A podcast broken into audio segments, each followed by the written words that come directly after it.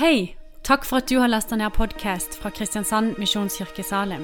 For å finne ut mer om oss, besøk vår hjemmeside på kmsalim.no. God formiddag, eh, alle sammen. Så fint å se dere. Har vi det bra? Ja, det ser sånn ut. Det ser sånn ut. Jeg syns det er veldig kjekt eh, å være i lag med dere, jeg også. Det er Salem er en menighet vi er glad i og er stolt av. Bent og meg reiser litt rundt, har møter over hele landet. Det er alltid kjekt når vi er hjemme og kommer til Salem. Det er jo menigheten i vårt hjerte. Ja, Nå ser jeg på deg her. Birgitte, hva er det dere har funnet på? ja, sånn er det. Men eh, vi heier på dere. Vi er glad i dere. Det er jo fint, det, da. Det ville jo vært kjedelig hvis det var sånn Å, heldigvis så har de reist. Det ville være kjedelig. Så det, vi, dette tar vi bare positivt. Johannes og Birgitte er vi veldig glad i, og der dere nå drar. Vi ønsker dere Guds velsignelse. Og eh, Bryne misjonskirke de har vunnet hovedgevinsten i et stort Jeg vet ikke hva vi skal kalle det, et lotteri eller hva det er, men i alle fall. Det skal handle om integritet i dag. Om eh, kraften i integritet. La meg begynne med å fortelle om eh, en kar som jeg har lest om og sett på kinolerretet. Jeg vet ikke om du husker noen gang å ha vært borti navnet Erik Liddell. Kanskje ikke. Eller om du har sett filmen 'Chariots of Fire'. Nei? Har ikke hørt om den? Nei. Det er eh, en eh, film som forteller om den unge idrettsmannen Erik Liddell fra England.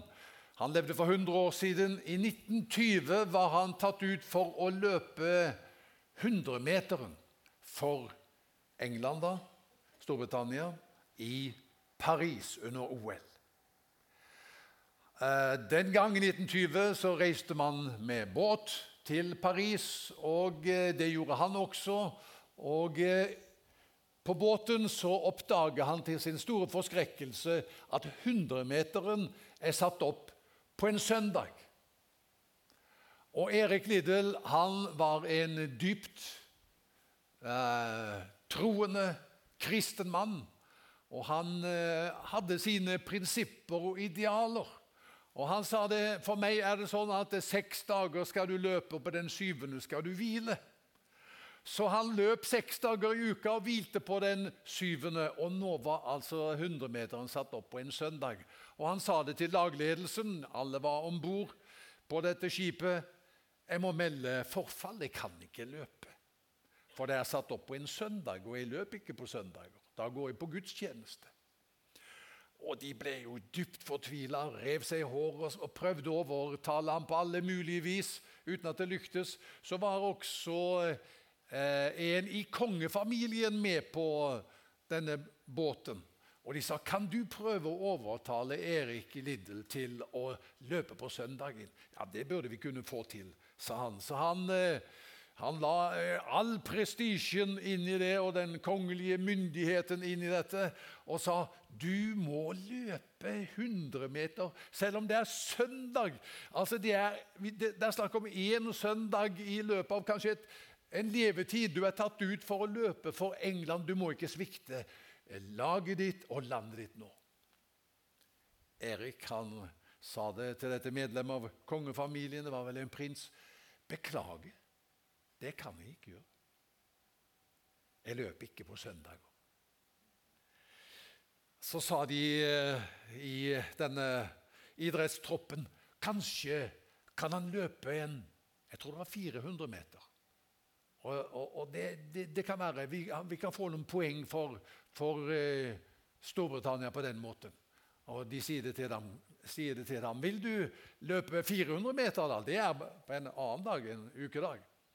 Ja, så sa han, det er klart jeg kan løpe 400 meter, men det er jo ikke min distanse.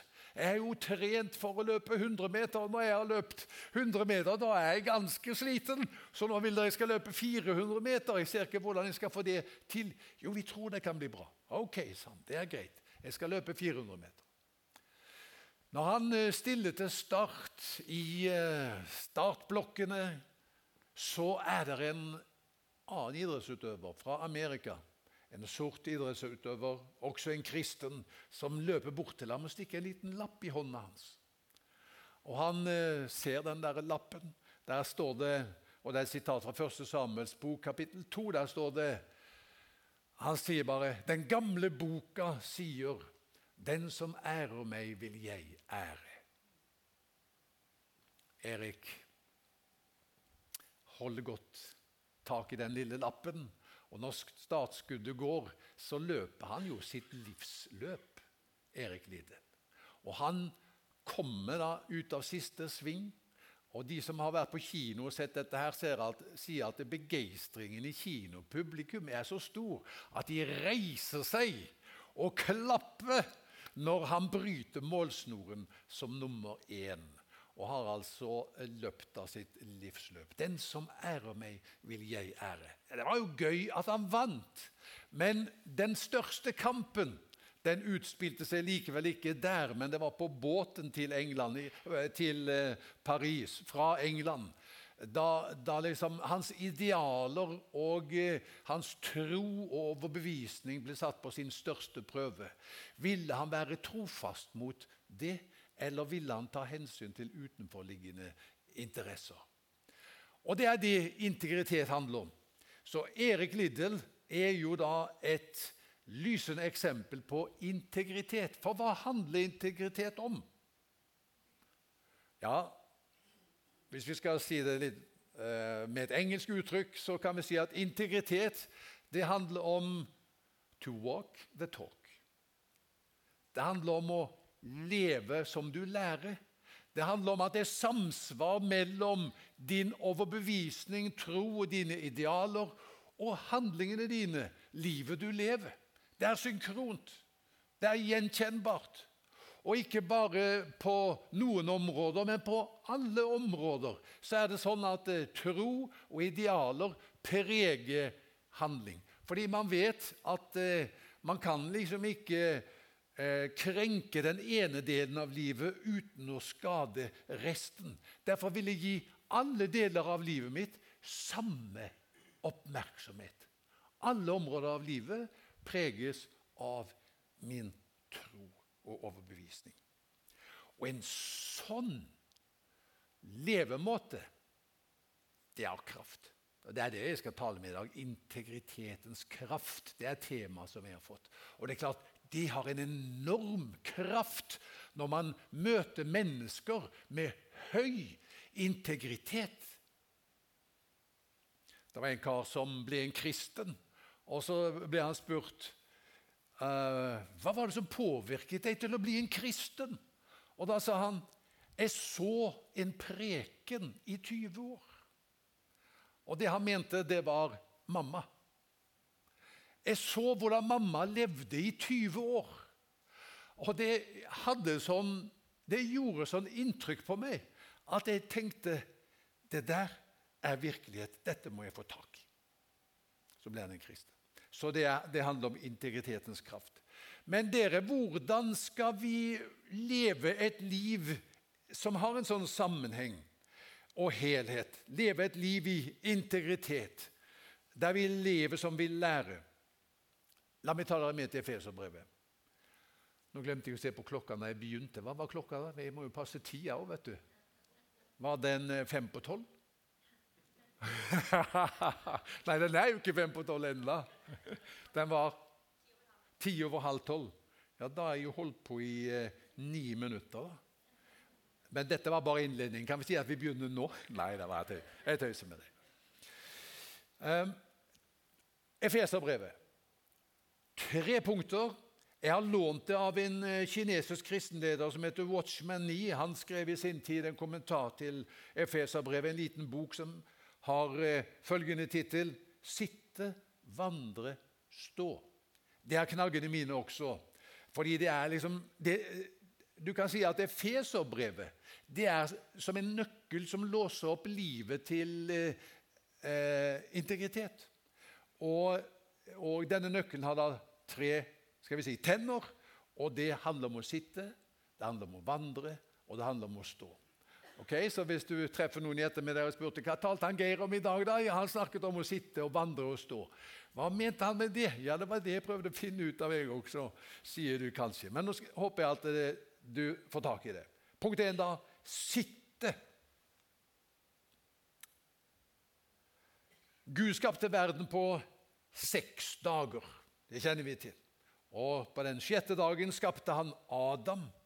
Så, på den syvende dagen, hvilte Gud. Og Jeg har spurt uh, dette spørsmålet før i denne salen. Hva var da Adams første dag på jorden? Hvis han hm? Det var hviledagen. Jeg tror du har hørt meg tale før. jeg. Det er helt riktig, for han, han, han, skapte Adam på sjette dagen. Gud hvilte på den syvende. Da er den første dagen eh, for Adam på jorden en hviledag der han får glede seg over det Gud har skapt. Det er tilfellet også med kristenlivet. Det begynner med hvile. Da Jesus hadde fullført frelsesverket, han sonet synden, beseiret djevelen og overvant døden, så satte han seg ved Faderens høyre hånd i himmelen. Og det er et uttrykk for hvile. I England sier man 'mission accomplished'. Det som skulle gjøres, er gjort. Og Da Jesus døde på korset, sa han det er fullbrakt. Så det betyr, som vi predikanter har sagt i årenes løp, vil du gjøre noe for din frelse, da kommer du 2000 år for sent. Det står i Efeserbrevet 2,6.: I Kristus Jesus har han reist oss opp fra døden sammen med ham og satt oss i himmelen med ham. Der har du stikkordet 'sitte' fra Efeserbrevet. Første knaggen til et liv i integritet. Det handler om å se at det Gud inviterer oss til, det er å sitte med Jesus i himmelen. Hvile i det Jesus har gjort for oss, og glede oss over det. Det var en dame som strevde sånn med selvbildet sitt. Og aldri syntes at det hun gjorde, var godt nok. Har vi noen sånne i Salem i formiddag? Som strever med selvbildet og aldri synes at det du gjør, er godt nok. Du skal slippe å rekke opp hånda, men det kan hende det er noen av oss. I så fall må jeg si at å, jeg har vært der mange ganger selv. Men denne damen da, hun får høre dette at Jesus hadde fullført renselsen for våre synder, det står i Hebrevet 1, så satte han seg. Og Det der ble så levende for henne, så da bryter hun ut for seg selv. Jeg tror hun sa det halvhøyt. Ja, hvis han har satt seg, da setter jeg meg òg. Det er invitasjonen til å hvile i det som Jesus har gjort. Hva er kristendom? Kristendom, det er dette. Innta plassene. Klar Ferdig! Slapp av. Ikke sant? Slapp av. Kristendom handler ikke om å gjøre noe for Gud, men å glede seg over det Han har gjort for deg. Ta imot det. Ta imot frelsens rikdom og glede seg over sjenerøsiteten hans. Det er kristendom. Allerede i kapittel 1 vers 3 så slår Paulus an denne tonen i Efeserbrevet. Han sier 'Velsignet er Gud, vår Herre Jesu Kristi Far', Han som i Kristus har velsignet oss med all åndens velsignelse i himmelen. I Kristus er vi velsignet med all åndens velsignelse i himmelen. Det er ikke noe vi skal i fremtiden få del i, men det er noe vi allerede har fått del i. og det er eh, i Kristus. Og dette uttrykket der, 'i Kristus', er jo et nøkkelbegrep. Kjenner dere det uttrykket? I Kristus. Hva betyr det? Ja, altså Enhver kristen er i Kristus. Enhver kristen har del i det som Jesus har gjort. Å være i Kristus det er å dele omstendigheter med ham. Det er, det er at det som gjelder ham, gjelder oss. Det som er sant om ham, det er sant om deg. Um, når du kommer hjem, så kan du gjøre en øvelse. Jeg har eh, en papirlapp her. og Så kan du Hvis jeg hadde penn, skulle jeg skrevet navnet mitt på den. Men når du kommer hjem, så kan du skrive navnet ditt på en papirlapp. Så tar du Bibelen din, og så legger du den papirlappen inn i Bibelen. Så lukker du igjen. Og hva kan vi nå si? Der Bibelen er, der er papirlappen. Er du enig? Og Hvis vi sier at papirlappen representerer deg, da, for du har skrevet navnet ditt på dem, og vi sier at Bibelen representerer Jesus, så er det liksom en illustrasjon på dette at der Jesus er, der er du. Det som er sant om Jesus, det er sant om deg. Det Jesus har, det har du. Det er å være i Kristus. Og så I kapittel 1 da, er det at Paulus eh, utbroderer hva det innebærer. Og, og han er så oppstemt. Så resten av kapittel 1 i uh, Efeserbrevet det er egentlig musikk, uh, Geir Åge. Det, det, er sannhet som synger.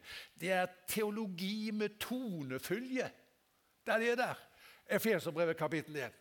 Og Paulus han er så fylt av lovprisning at når han skriver om rikdommen i Kristus, så, så greier han ikke å finne punktum. Altså Nyere bibeloversettelser har hjulpet eh, Paulus med dette. Så i en ny bibeloversettelse er det i kapittel 1 mange punktum. Men den, nå, nå, har jeg med meg min første predikantbibel her i dag. Eh, og den fikk jeg av Bente. Det er jo så fint, det som står her. Tenk, Den fikk, fikk jeg altså i Haugesund 6.07.1977.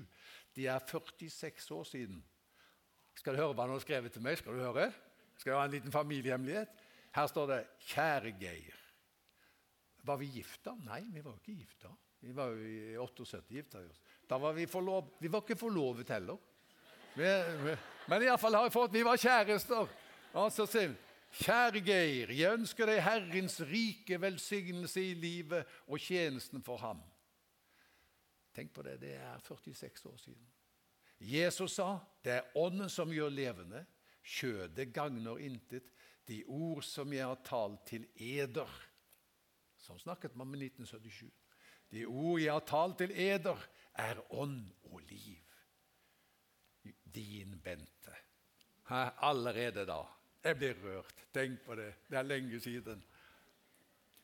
Min første predikantbibel med en oversettelse fra 1930. og Jeg har tatt den med fordi den, den tar hensyn til det at Paulus setter ikke punktum. Og nå skal jeg bare lese, Dette kommer du ikke til å få med deg, men poenget får du. og det er at Paulus setter ikke punktum.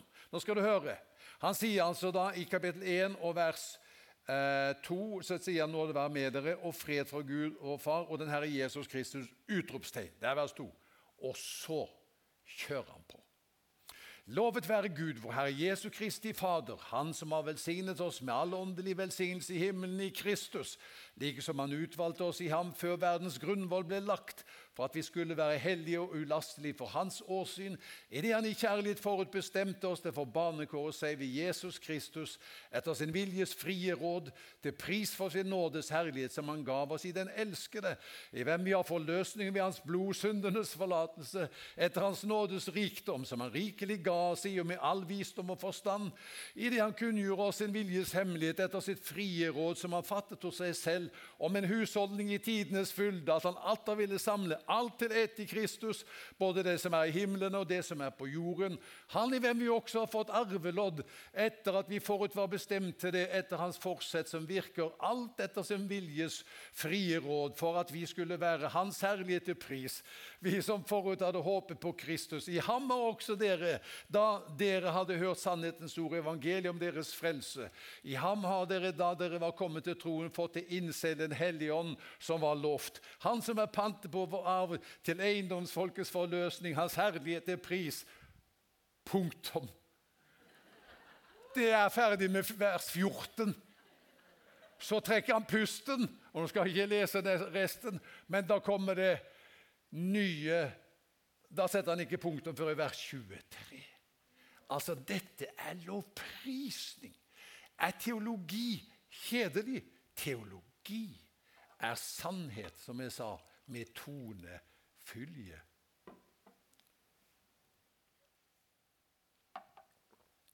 Nå kan ikke jeg Fikk du tak i noe av det? Du, ja? Var det noe dere bet dere merke i av rikdommen? La meg bare trekke fram noen ting ganske, ganske kort um, i, i, av dette her. For det første, altså under dette her, når du, du sitter med Kristus, du nyter fruktene av det frelsesverket han gjorde for deg, da, for det første, du er under en åpen, solfylt himmel. Vi leste i 1.2.: Nåde være med dere og fred fra Gud vår Far og Herren Jesus Kristus. Nåde, det er ufortjent kjærlighet. Fred fra Gud, det betyr alt er i orden mellom deg og Gud. Smak på det. Alt er i orden mellom deg og Gud. Når du tror på Jesus, så hilser han deg med fred. Du er elsket med ufortjent kjærlighet. Og fordi den er ufortjent, så kan vi vite at vi behøver ikke gjøre noe for noen, at det er noen kriterier vi må oppfylle for å gjøre oss verdige til den. Det betyr du er, der du sitter i dag, du er elsket. Åpne hjertet ditt for det. Det er en sånn forvandlende kraft i det. Jeg leste en gang om Johnny. Uh, han var så forelsket i Salina. Og nå sa de der i det landet som han bodde, at uh, hvis han skulle gifte seg med Salina, så ville han komme ganske billig fra det. Fordi at det var dette med medgift, og de måtte betale kuer. Brudepris. Og jo penere bruden var, jo flere kuer. Og de sa han vil komme billig fra det. Maks to kuer, sa folk. Det er nok for Salina. For de mente vel hun var ikke så pen.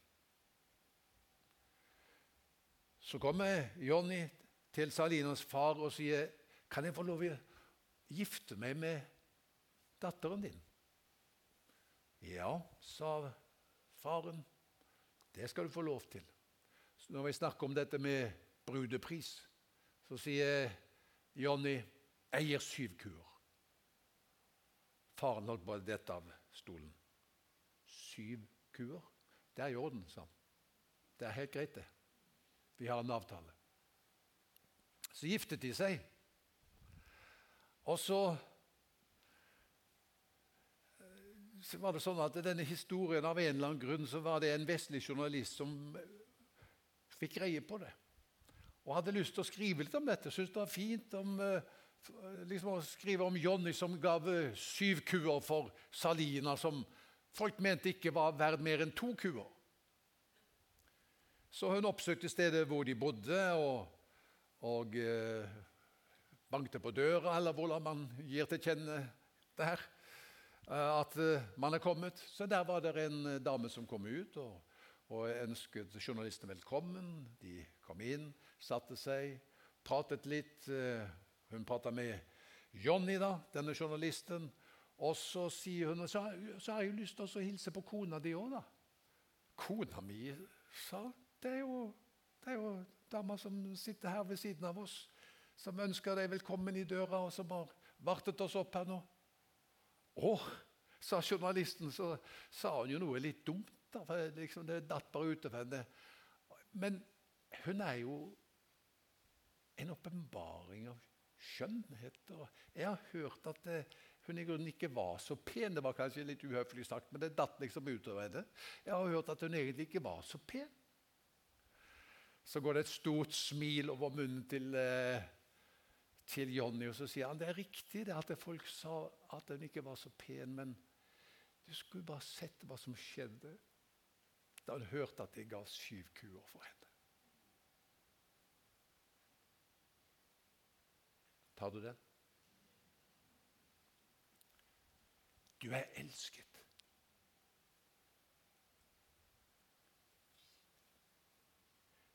Nåde være med dere og fred fra Gud. Du er under en åpen, solfylt himmel, og det er Jesu fortjeneste. Videre så leser vi eh, du er utvalgt hellig og feilfri. Hør på det, da. Utvalgt hellig og feilfri. Kjenner du deg igjen? Eh, Feserbrev 1,4. I Kristus utvalgte han oss før verdens grunnvoll ble lagt, til å stå for Hans ansikt, hellige og uten feil. Utvalgt. Bare smak på det. Utvalgt. Bent og meg har fire barn. Miriam, Jon David, Kristian og Angela. Og Da de var små, så pleide vi å spørre dem om noe. F.eks. ta Angela. da. Var fem år. Og Så kunne jeg spørre Angela Hvis alle femåringer i hele verden sto på én rekke Alle sammen som er fem år.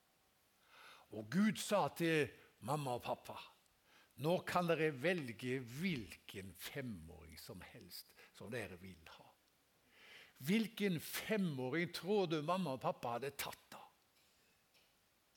Da går det et stort smil over ansiktet på Angela, så sier hun, 'Dere hadde tatt meg'. Ikke sant? Så er hun ti år.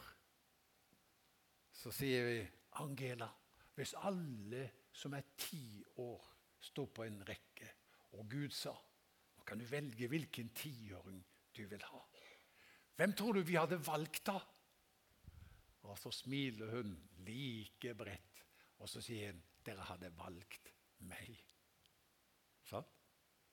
Og når hun er 15 år, så syns hun det er litt dumt at vi spør. Da blir hun litt på slutten og 'Mamma, pappa, ikke spør sånn.'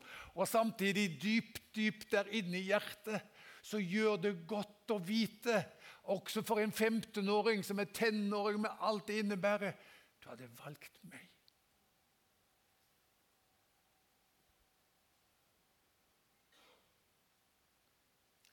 Du er utvalgt til å være formål for all Guds godhet og kjærlighet. Og så leser vi utvalgt til å stå for Hans ansikt hellige og uten feil. Snakk med det, da! Her må det være en glipp et eller annet sted. Rekk opp hånda, den som, som er hellig og uten feil. Er du hellig og uten feil? Ja, vi må gå tilbake til eh, denne her, da. Du skrev navnet ditt på den, ikke sant? Så la du den inn i Bibelen, og så sa vi arket det er du, og Bibelen det er Kristus. Nå er arket i Kristus. Og så sa vi det som er sant om Kristus.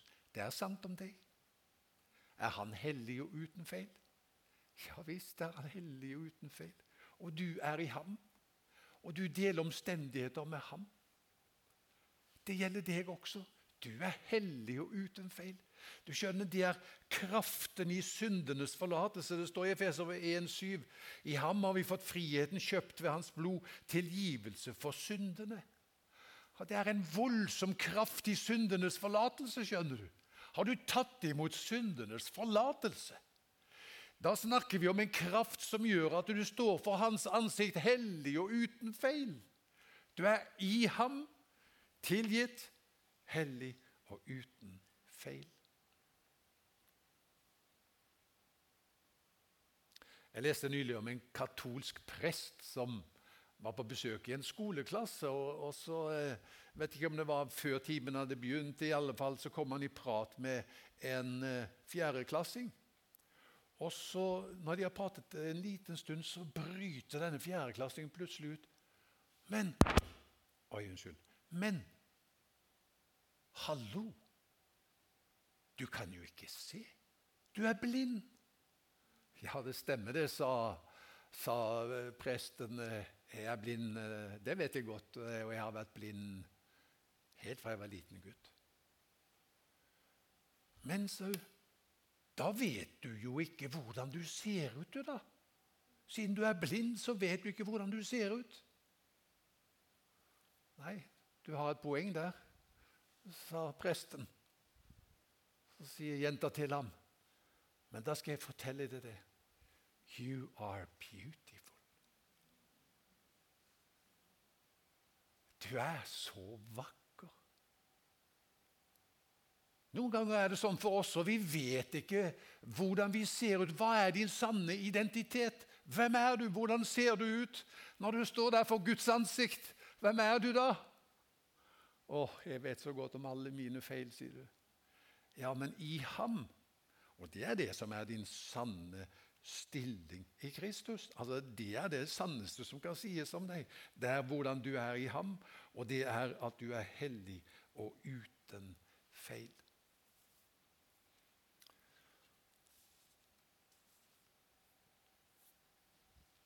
Jeg tror jeg må komme tilbake en annen gang hvis jeg skal bli ferdig med denne talen. For nå er jeg, jeg er ikke ferdig med første punktet. Birgitte. Er det mulig? Jeg er jo en lang predikant, det ser dere jo.